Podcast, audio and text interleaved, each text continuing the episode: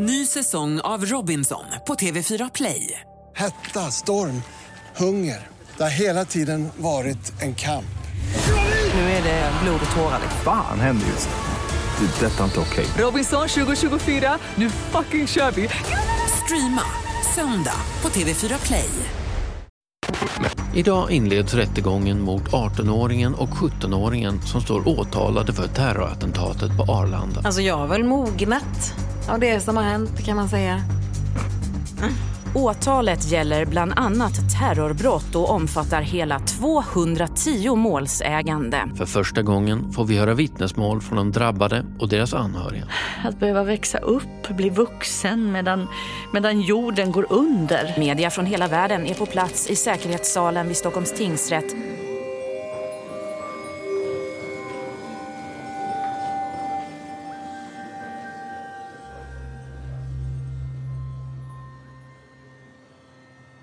Du lyssnar på Tystad.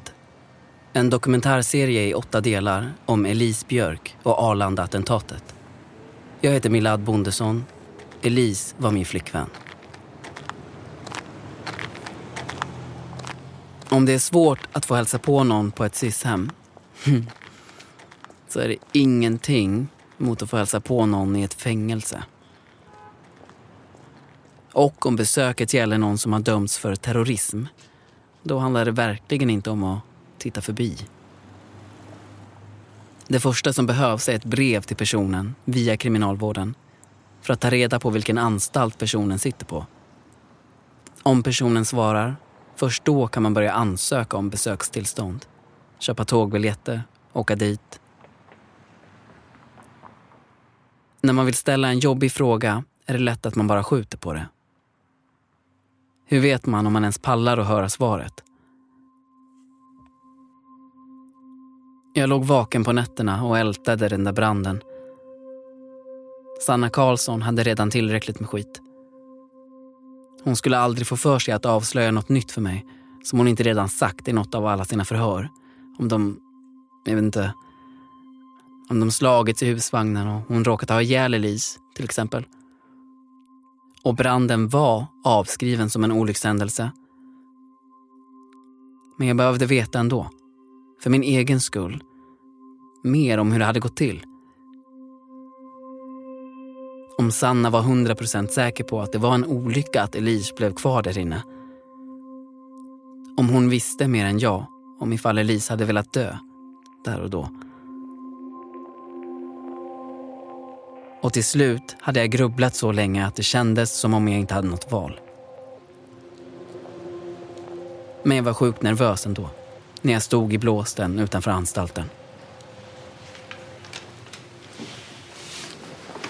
Receptionen inne på anstalten såg lite ut som på vårdcentralen. Men med en vakt bakom glasluckan, i uniform. Jag fick visa lägg och lämna ifrån mig jacka och skor i en blå plastlåda och kroppsvisiteras med en metalldetektor innan vi gick in.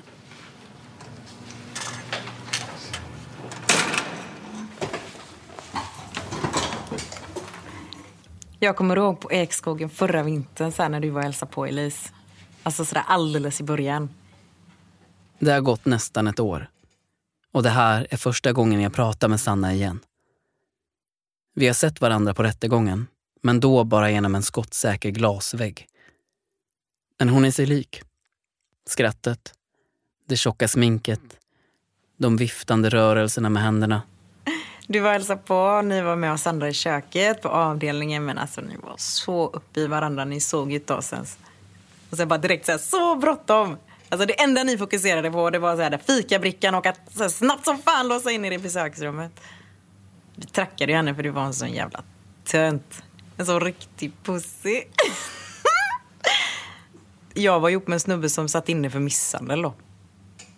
Och Malou, min bästis, hon var ihop med sin langare. Våra snubbar var så coola, så här, hårda och macho jämfört med dig. Egentligen var vi nog alltså... Ja, men alltså jag var i alla fall avundsjuk.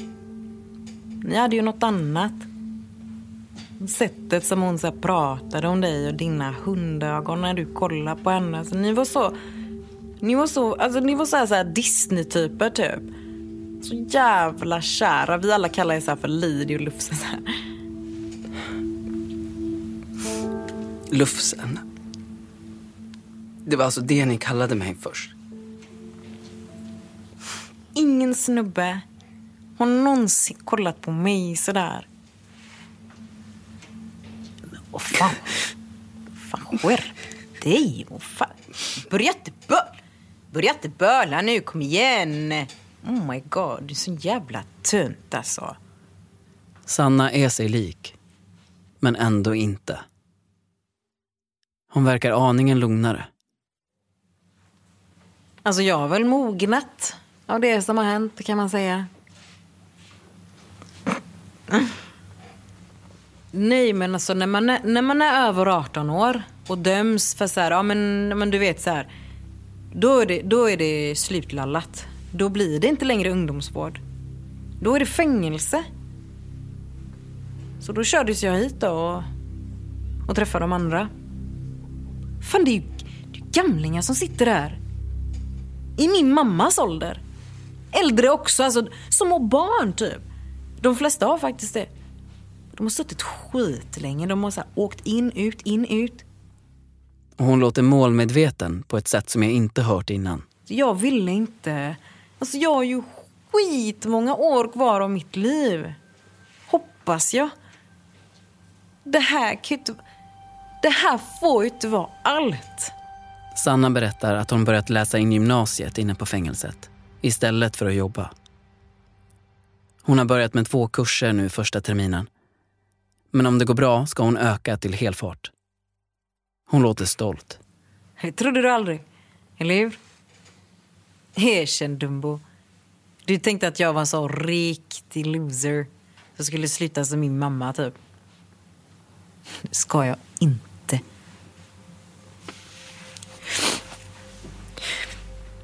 Fan. Fan, det här är ditt fel alltihop. Så här blir jag bara för att du är så jävla töntig blödig. Vi kommer tillbaka till Sanna Karlsson om en stund. Till vad hon sa om branden och allt det där. Men vi behöver gå igenom rättegången först. Idag inleds rättegången mot 18-åringen och 17-åringen som står åtalade för terrorattentatet på Arlanda. För första gången får vi höra vittnesmål från de drabbade och deras anhöriga. Åtalet gäller bland annat terrorbrott och omfattar hela 210 målsägande. Media från hela världen är på plats i säkerhetssalen vid Stockholms tingsrätt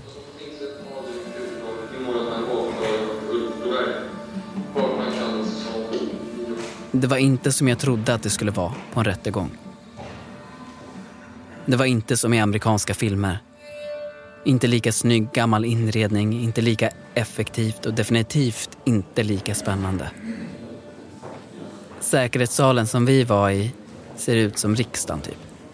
Blek träpanel på väggarna, mikrofoner i trådar från taket och såna där fula kontorstolar som är bra om man ska orka sitta länge. Vi var där tidigt, men kom ändå in i sista stund. Pappa hittade ingenstans att parkera och sen gick vi fel. För det var många rättegångar som pågick parallellt.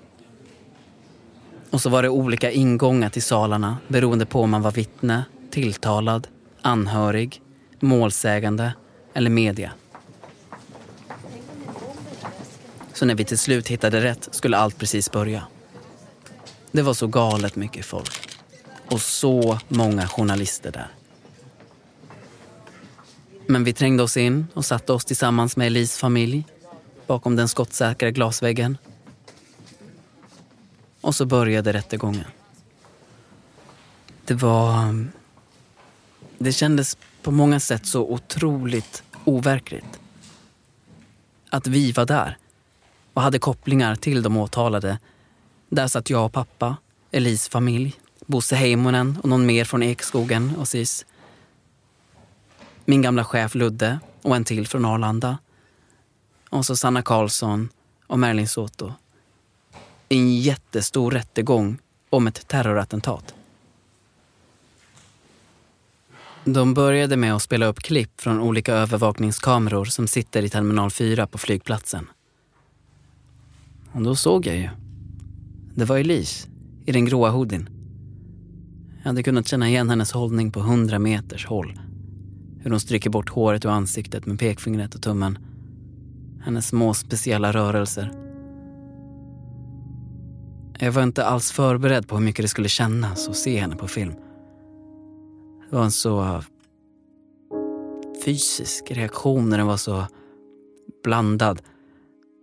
En del av mig ville bara typ kliva fram i den där filmen och ta tag i henne och gömma henne i vår vanliga kram och typ ja, trösta henne. Prata med henne. Borra in ansiktet i hennes hår bara. Saknaden välde över mig från ingenstans. En annan del av mig såg väl på filmen som de flesta andra i den där salen, antar jag. Som ett bevis på att Elise faktiskt hade gjort allt det där. Att hon var kapabel till att genomföra ett attentat på en flygplats. På övervakningsfilmerna ser man hur Elise, Sanna och Marilyn kommer in på Arlanda. Så här i efterhand, när man vet om det, så ser man att de inte beter sig som vanliga resenärer. De bär med sig kassar och det syns att de är tunga. De jobbar snabbt. De vet vad de ska. De har pratat igenom det här innan. Ganska snart försvinner de in på toaletterna. När Elise kommer ut har hon klippt av sig håret i samma frisyr som jag har. Hon har min badge runt halsen i ett nyckelband. Och nu är hennes egna små rörelser borta. Nu härmar hon mitt kroppsspråk när hon går mot säkerhetskontrollen. Det ska egentligen inte gå, det som hände sen. Under rättegången kommer det att läggas timmar på att försöka reda ut hur Elise kunde passera genom personalsäkerhetskontrollen som mig med en juiceflaska i handen. Det närmsta ett svar är väl den mänskliga faktorn, kanske. Det var tidigt. Det var mycket personal som passerade just då. Elise i kort hår och hoodie är inte alls olik mig. Fotot på mitt passerkort var gammalt. Och det spelar ju egentligen ingen roll nu hur det gick till. Faktum är ändå att hon tog sig igenom och lyckades göra det hon kommit dit för att göra. Trycka in ett neddränkt tygbylte i en ventilationstrumma och låta ångorna från det stickande hydrasinet sprida sig i luften. På filmerna syns det hur Sanna under tiden rör sig genom avgångshallen och droppar klädesplagg efter klädesplagg i olika papperskorgar. Och Marilyn sprider ut flygbladen. Och sen ser man Elise när hon kommer tillbaka ut i avgångshallen igen och ropar till Marilyn och Sanna. Det är då Sanna håller upp dörren för de andra och ser till så att allihop springer därifrån. Sen är det filmklipp på människor som får panik och försöker fly och faller. Det är, det är så trångt och folk, folk klättrar på varandra. Och... Skriker och en blev trampad på över örat och ansiktet. De blöder. Ni måste skicka... De spelade upp de första telefonsamtalen också, som SOS fick från Arlanda. Eh, vi, vi vet inte, läkare, ambulanser. Det, det blir som en krigsscen här. Folk, folk ligger på golvet och det, det är någon gas som sticker i halsen.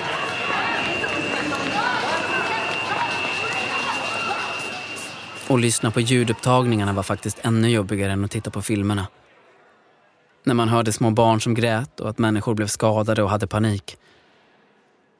Många i rättegångssalen grät då också. Och en del gick ut för att det blev för mycket. Många som var där hade ju varit med på Arlanda när det hände. Så för dem var det nog ännu värre. Och sen började förhören och redovisningar av olika rekonstruktioner och tekniska undersökningar. Allt sånt som bevisade att Elise Björk, Merlin Soto och Sanna Karlsson var skyldiga. Jag var inte där alla dagarna. Men jag minns speciellt ett vittne. En tjej i min ålder som berättade om den gamla mannen som dog. Som beskrev hur det är när en lätt rörelsehindrad äldre människa blir ihjältrampad av en panikslagen folkmassa. Det var hennes farfar. Han hette Paul.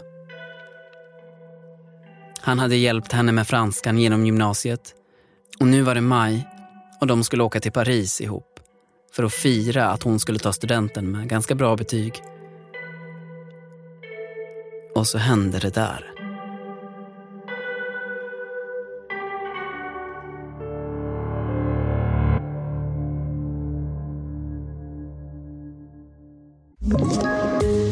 Poddtips från Podplay.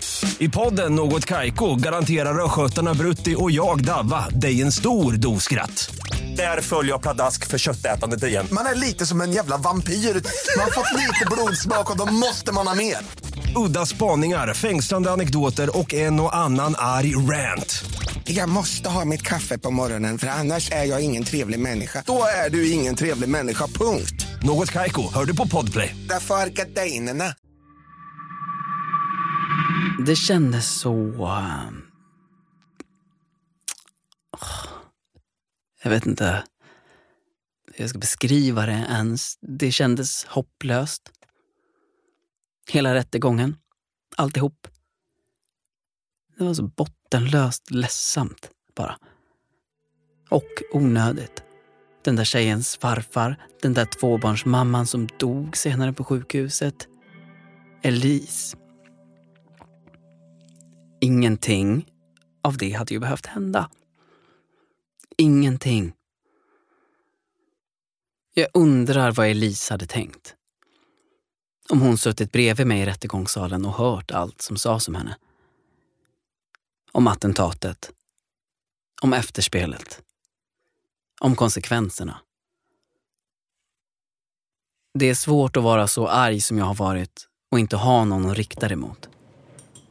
Du vet, man vill skydda sin lilla flicka till varje pris. Så man gör det som man tror är bäst för henne. Karin, Elis mamma, var desperat efter att hitta ett sätt att få sin dotter att må bättre. När Elise låstes in på SIS-hemmet Ekskogen var det för att ingenting annat verkade funka. Det är lätt att kritisera det beslutet i efterhand, men då, när det hände, hoppades väl alla att det skulle få allt att vända. Att det skulle hjälpa och avskärma Elise från allt hon oroade sig för. Vi kallar det Elise-effekten i personalrummet. Plötsligt kom alla i tid, satt tysta och lyssnade och kunde till och med räcka upp handen om de inte förstod. Eller ville googla på saker. Och Bosse, som var personal på Ekskogen, hade ju också goda avsikter. Men på SIS-hemmet hade de kanske inte de förutsättningarna att se hela bilden av vad som pågick. Men, alltså, men ärligt, alltså det var på kul. Men det var inte på, all, alltså, det var inte på allvar i alla fall. Eller? Det, ble, alltså, det blev ju det. Men det var inte meningen från början att det skulle bli så. Och så Sanna, som haft en skituppväxt och efter det sabbat så mycket för sig själv. Hon var ju inte emot flygtrafik. Hon brydde sig inte ens om klimatfrågan i stort. Och ändå blev hon utpekad som en av Sveriges grövsta ekoterrorister genom tiderna efter Arlanda-attentatet.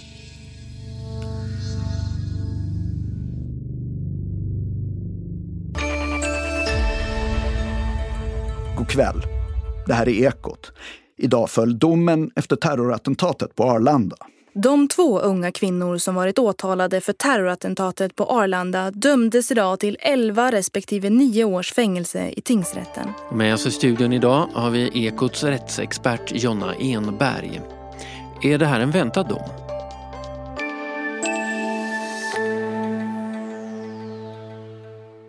Ja, vad är väntat med det här? Vad är rimligt i ett sånt här sammanhang? Sanna fick 11 års fängelse, Marilyn 9, Elise dog. Jag vet inte om det finns någon rimlighet alls. Vad vi skulle ha gjort annorlunda? Ja du Milad.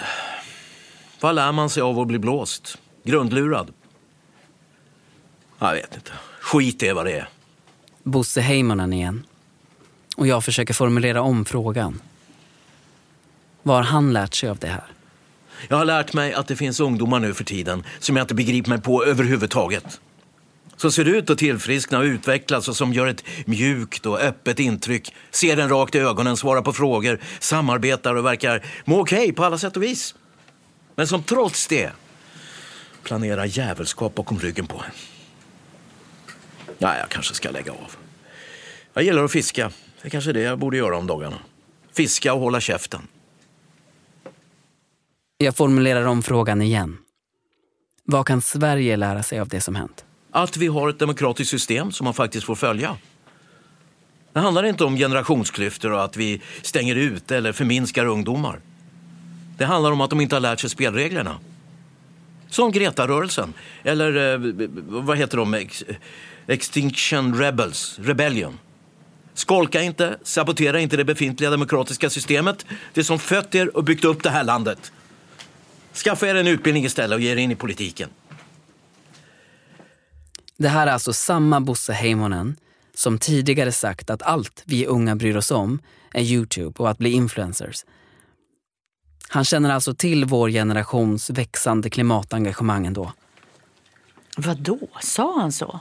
När jag senare återberättar det här för Elis mamma, Karin, reagerar hon starkt. Greta och de följer ju absolut spelreglerna. Att strejka är väl en väl beprövad demokratisk metod. Och de är ju barn. De är inte välkomna in i politiken än. De strejkar ju för att de inte har tid att vänta på att bli vuxna. För att våra folkvalda ska vakna och börja ta sitt ansvar. Och lyssna på forskarna som har utbildning och fakta men som ändå ignoreras. För Karin har det senaste året handlat mycket om att ransaka sig själv. Jag skulle ha följt med henne dit. Vi var oroliga för att hon var så liten och mådde så dåligt. Men varför följde vi inte med då? Hon ville in och stå på Mynttorget på fredagar. Varför var det så svårt att få till? Vi kunde väl ha tagit ledigt, tagit ut semesterdagar eller bett min mamma följa med.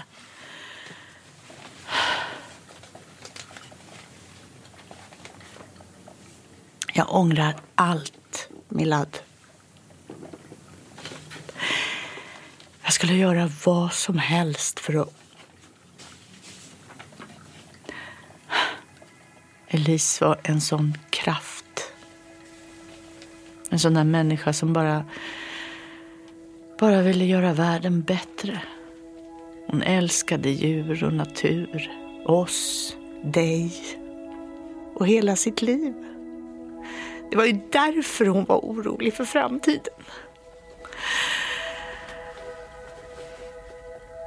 Att behöva växa upp, bli vuxen medan, medan jorden går under.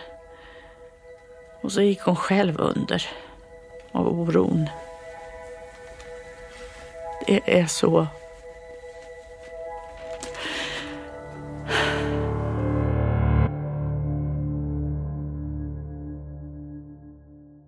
Ny säsong av Robinson på TV4 Play. Hetta, storm, hunger. Det har hela tiden varit en kamp. Nu är det blod och tårar. Fan händer just det. Det är detta inte okej. Robinson 2024, nu fucking kör vi! Streama söndag på TV4 Play. Ett poddtips från Podplay. I fallen jag aldrig glömmer djupdyker Hasse Aro i arbetet bakom några av Sveriges mest uppseendeväckande brottsutredningar. Går vi in med hemlig telefonavlyssning och, och då upplever vi att vi får en total förändring av hans beteende. Vad är det som händer nu? Vem är det som läcker? Och så säger han att jag är kriminell, jag har varit kriminell i hela mitt liv men att mörda ett barn, där går min gräns. Nya säsongen av Fallen jag aldrig glömmer på Podplay. Vi ska tillbaka till Bosse igen. Jag undrar om han ångrar någonting vad det gäller Elise. Ja, det är en djup tragedi för oss på Ekskogen, det som hänt. Vi har inte bara misslyckats med vårt uppdrag gentemot SIS. Vi har förlorat tre av våra fina ungdomar på ett eller annat sätt. Det ska inte kunna hända. Och det kommer inte att hända igen. Nej, men så är vi ju föremål för flera pågående utredningar och debatter just nu. Både externt och internt inom statens institutionsstyrelse. Det stämmer. Det interna vet jag ingenting om. Men det stämmer att bilden av Sis-hem i media inte blev bättre efter attentatet på Arlanda. Redan innan rapporterades det emellanåt om otrygg och bristfällig vård, självmordsförsök, övergrepp, droger och våld inne på hemmen. Det ledde till stora debatter. Och året efter attentatet drog också en debatt som handlade om radikalisering igång. Jag minns en frågeställning någonstans som var typ Var det tystandet av Elise Björk som ledde till terrordådet på Arlanda? Efter en rad uppmärksammade våldsdåd har vi idag med oss experter som ska diskutera kopplingen mellan isolering och radikalisering. Man kan jämföra det med en eh, tryckkokare. Pang! Det går inte att sminka grisen, måla över rötan eller sopa under mattan. Den undermåliga ungdomsvården är verkligen en potentiell sprängdeg. När vi snålar in på barn i ett samhälle, då hugger vi oss själva i foten. Jag tycker att det är en bra debatt. Och när jag nämner den för Bosse Heimonen är det äntligen som om han släpper lite på garden och slutar försvara sig. Vi behöver bättre resurser så vi kan ha riktiga utbildade behandlingsassistenter. Våra ungdomar, de är allra längst ner på samhällsstegen. Och våra folkvalda, ja till och med vår socialminister, skiter i dem. Det låter bittert, jag vet. Men jag kan inte se det på något annat sätt. De gör ju ingenting. Om bråkiga ungdomar bara hålls borta från gatorna så är politikerna nöjda. Men då blir det ju bara förvaring, isolering och inga vettiga behandlingar alls. Och barnpsykiatrin rustar ner. Så ungdomarna som kommer till oss de kommer med allt svårare problem. Och SIS, de kan inte betala löner som attraherar riktig personal. Du vet det va? Att, att utbildningskravet på våra tjänster det togs bort för några år sedan. Jo, det är sant. Man behöver ingen utbildning som det ser ut just nu för att jobba inom SIS. Jag säger inte att det inte är bra folk som jobbar hos oss nu, men, men det finns mycket som skulle kunna bli bättre. Mycket! I fängelset ställer jag samma fråga till Sanna som jag ställde till Bosse. Vad kan vi lära oss av det här för att det inte ska hända igen? Alltså, ärligt Milad. Jag skiter fullständigt i om det händer igen. Och det gör det säkert. Och de där jävla de där hysteriska jävlarna, de hade väl fan inte behövt springa så där. Massa rutt, rutt. Nej, jag bara skämtar. Nej, du får inte, du får inte ta med det Dumbo. Klipp bort det med en gång. Fast ursäkta. Det här med att allt ska vara bra för något. Att vi kan lära av allt som händer. Att det ska vara en mening. Alltså det, det är så sjukt jävla naivt sätt att se på världen. Tro, tro fan att man blir besviken om man ska tänka så hela tiden. Jag tror inte att allt har en mening. Alltså, ibland är skit bara skit. På riktigt. Fast okej, okay, okej okay då, den här... Man ska lås inte in barn. Ja, men den, den, den ska jag säga. Lås inte in barn. Det är fan inte bra för en att vara inlåst. Det har gått nästan två timmar av intervjun när jag till slut vågar ställa min viktigaste fråga till Sanna.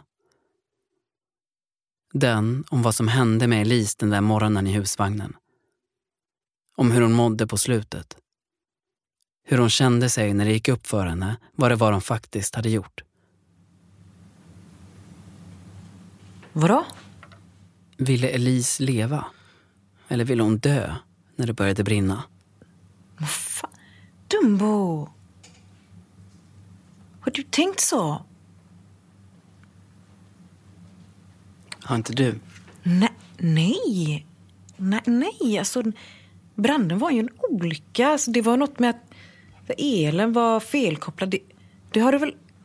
Alltså det var någon koppling eller vad det heter som blev överhettad och branden den började där vid spisen, bredvid sängen där Elise låg. Det, det, var, det var ett elfel. Vi, vi sov ju. Vi, vi var så jävla trötta när vi kom till den där husvagnen. Vi hade, vi hade inte sovit på... på Marilyn hade stuckit och Hon var någon annanstans där på campingen. Så fort hon fick sitt knark där då, jag vet inte vart hon tog vägen. Så Elise och jag sov. Och Och sen när vi vaknade då, då var, då var hela husvagnen full med rök. Och Elise hon var redan... Hon var redan... Alltså jag försökte bara ta mig ut så gott jag kunde. Så, men, men hon... Alltså Elise ville absolut inte dö. Inte ens då. Hon var helt jävla förtvivlad över att det gick som det gick på Arlanda. Men hon... Alltså hon ville inte dö. Vad fan, det vet du väl? Hon vill, hon vill ju överleva. Det var ju, det var ju fan det som var hela grejen.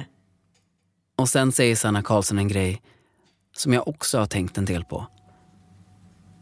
Alltså jag är ju ingen psykolog eller så, men alltså några av de där diagnoserna som Elise fick inne på Ekskogen. Att hon skulle ha så här panikångest, OCD, vad var det mer? Så här självskadebeteende, jag vet inte. Eller, det hade hon ju också, men det, det var ju ingen av oss andra som citerade forskare och viftade med tidningsartiklar när vi mådde skit. Men hon kunde ju så hela tiden förklara varför hon hade ångest. Det har jag tänkt på. Jag, jag, tror att Elise på fullaste allvar föreställde sig att jorden gick under. Alltså att, att den gick under nu. Så att det var jävligt snart så var det för sent alltså. Då, då undrar jag så här, är det, är det på allvar en sjukdom? Alltså en diagnos, att reagera på det? Va, är det inte egentligen ganska friskt?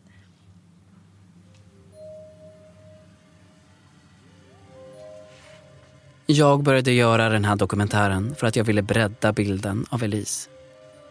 Berätta för er vem hon var innan allt det här. Och försöka förstå vem hon blev. Det har blivit extremt tydligt för mig att det inte är så enkelt att svara på den frågan. Jag tror inte att hon blev radikaliserad när hon var inlåst. Jag tror inte att hon ville att folk skulle dö eller skadas på Arlanda. Jag tror att hon var vilsen och mådde skitdåligt över att allt bara fortsatte som vanligt. Och att hon var desperat. I Elis värld pågick det ett krig. Mot naturen och därför mot oss själva. Hon hade panik. I krig och kärlek är allting tillåtet? Nej du, så kan man inte resonera. Det finns ingenting som ursäktar det de gjorde. Ingenting. Nej, det är ju sant. Om du vinklar det så då. Och det, sp det spelar ingen roll vad vi hade för avsikter då. Folk dog. Ja, tre människor dog i samband med attentatet på Arlanda. En av giftångorna, en av tumultet i terminal 4 och en på flykt efteråt. Tre blev allvarligt skadade och två sitter i fängelse med långa strafftider. Det rättsliga efterspelet tog drygt sju månader. Det har skrivits 2132 nyhetsartiklar och sänts extremt många timmar radio och tv om Arlanda-attentatet. Det finns nog de som skulle säga att det här blev ett uppvaknande och att det väckte klimatfrågan till liv på ett helt nytt sätt i Sverige. Att det faktiskt, på något skruvat sätt, till slut fick några positiva konsekvenser också. Men det finns också de som inte håller med om det alls. Den sammanlagda kostnaden i pengar för det Elise drog igång är i alla fall så stor att det känns svindlande att ens tänka på. Det här är Bosse Heimonen igen. Ja, jag kan komma på många saker jag skulle vilja lägga de pengarna på. Det. Ge oss lite mer resurser till exempel. Vården. Jag gjorde också en massa idiotgrejer när jag var ung. Det, ja, men det hör ju till på något sätt. Men, men, men det är något som är... Det är något som är på väg åt fel håll nu. Det kommer fler och fler ungdomar till oss som fallit igenom och vi får inte mer medel och verktyg för att ta hand om dem. Det måste... Det måste finnas ett skyddsnät. Och det här är Karin. Miljöarbete. Tänk om den här sortens pengar hade lagts på miljön från början istället. Sanna Karlsson. Det fan vet jag. Men det vore ju jävligt nice om vuxna kunde vara lite mindre sugiga. Sluta fucka upp våra liv och förtrycka oss hela tiden. Hjälp oss istället. Lägg pengarna på oss. Det är ändå vi som måste styra upp allt sen. Det är vi som ska leva i den här skiten.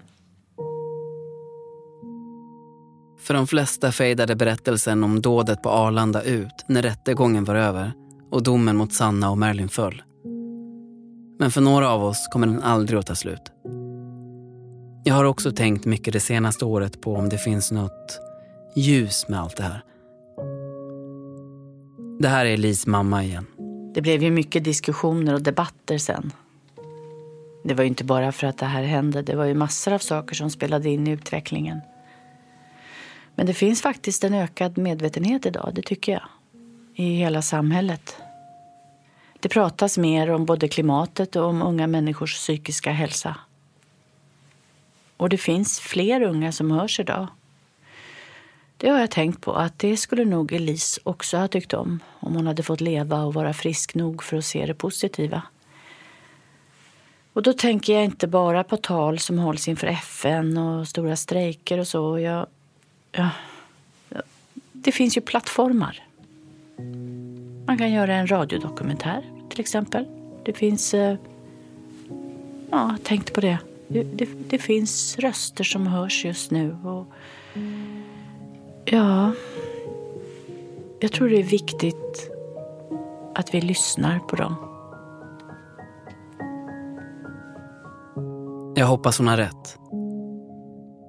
Det kanske är som att slåss mot en miljard Godzillas på en gång, som Elise sa. Men det kanske det kan vara värt. Det måste det vara värt. Mm, vad vi gör? Ja. Om tio år? Har vi eh, till exempel barn då? Åh, det är så gulligt att du vill det så himla mycket. Du är knäpp, Milad. Mm, vi jobbar med miljöfrågor, tror jag. Forskar och sprider det i media. Varför ser du sådär? Nej, men det låter bra. Men igår så sa Ja, men vi... eller så har vi en gård med massa djur. Eller jag vet inte. Men, men liksom... Skitsamma. Det kommer bli bra. Jag längtar.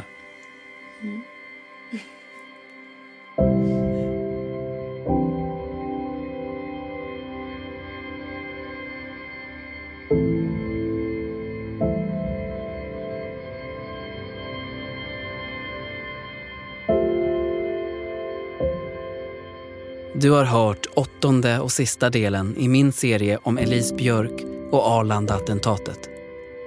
Jag heter Milad Bondesson.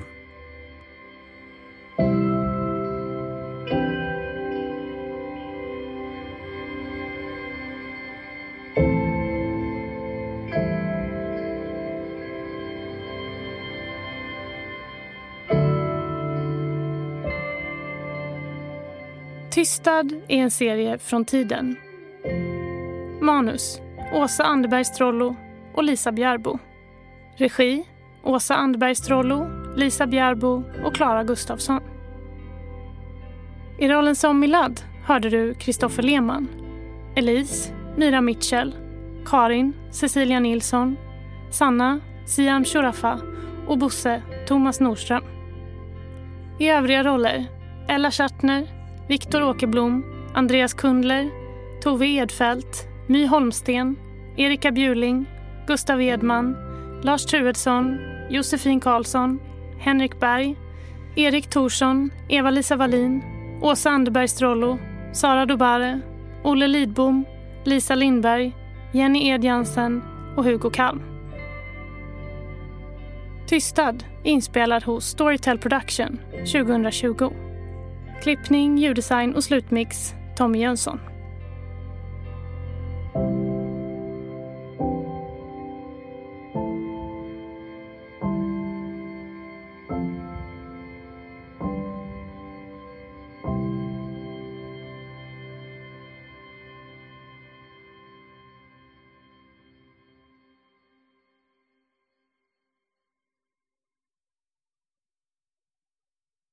Ny säsong av Robinson på TV4 Play. Hetta, storm, hunger. Det har hela tiden varit en kamp. Nu är det blod och tårar. Fan händer just nu. Det. är Detta är inte okej. Robinson 2024, nu fucking kör vi! Streama söndag på TV4 Play.